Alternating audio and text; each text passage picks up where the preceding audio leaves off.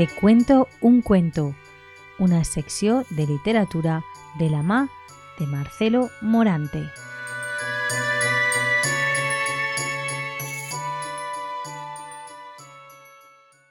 Bienvenidos una vez más al espacio semanal de la Tegua Radio Te cuento un cuento. El cuento de hoy habla de la música y de su poder evocador. ¿No os ha pasado nunca que dejándoos llevar por una música determinada habéis conseguido olvidaros de todo y viajar a lugares maravillosos sintiendo una felicidad y una paz absoluta? A mí sí, y por eso me declaro un fan incondicional de la música, porque es capaz de llegar donde no lo pueden hacer las palabras. En mi vida he conocido a varios guitarristas mágicos, pero me acuerdo especialmente de dos, Guillermo Grau y Joan Aracil. La ilustración es obra de Lolen Mas. Y Dulces Sueños. Te cuento un cuento. El guitarrista mudo. Una mañana llegó al pueblo un misterioso personaje con una guitarra colgada a su espalda. Sin decir nada, se sentó en uno de los bancos del parque y sacando su instrumento del estuche, comenzó a tocar.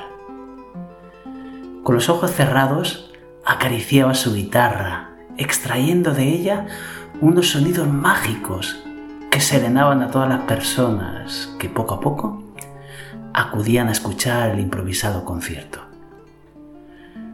Una señora que paseaba a su perro, curiosa, se detuvo a escuchar al guitarrista. Un rato después, contó a sus nietos que mientras sonaba la música del misterioso intérprete, había sentido que volvía a ser una niña y que feliz había vuelto a jugar con sus amigas en el patio de su viejo colegio. Otro señor, que pasaba veloz por el parque, camino de una reunión importantísima de trabajo, contó a sus compañeros que el guitarrista había conseguido despertar en él una sensación de paz absoluta y que por unos minutos había olvidado por completo el ajetreo y las prisas de su día a día y que no le había importado absolutamente nada haberse perdido la reunión. Dicen que un policía que hacía su ronda habitual por el parque comenzó a llorar en silencio con los ojos cerrados, mientras la música arrullaba sus oídos. No podían saber que el policía, al compás de la música, había viajado imaginariamente a un lugar maravilloso en el que había vuelto a pasear en bici junto a su padre. Y cada vez había más personas en torno al guitarrista, que ensimismado permanecía totalmente ajeno a la expectación que se había formado a su alrededor. Cuando finalmente terminó su recital, recogió su instrumento y sin decir ni una sola palabra, se levantó y se fue. Al día siguiente, regresó a su banco del parque. Y al siguiente. Y al siguiente. Y cada vez venían más personas a escuchar su mágica música. Y todos estos afortunados oyentes contaban que habían olvidado por un momento sus problemas y que habían vuelto a soñar después de tanto tiempo.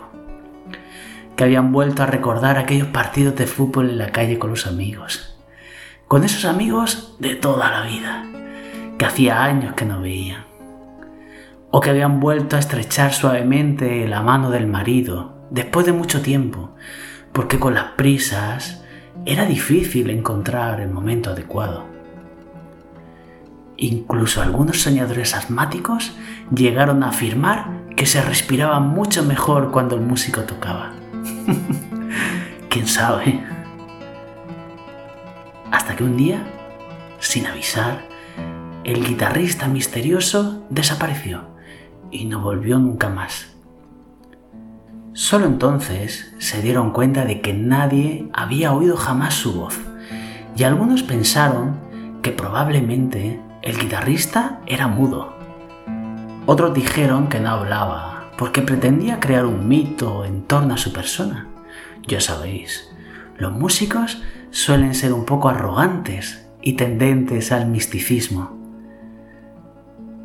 Sin embargo, yo, que también estuve en uno de sus conciertos, siempre pensé que el guitarrista no hablaba porque lo que tenía que decir era imposible expresarlo mediante el lenguaje cotidiano. Su mensaje no podía ser expresado con palabras.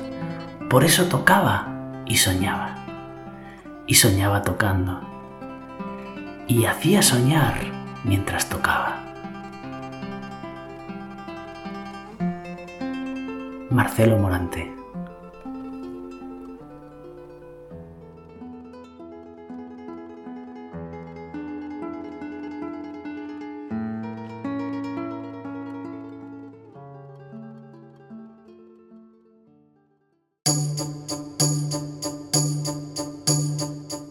Te cuento un cuento, una sección de literatura de la Ma de Marcelo Morante.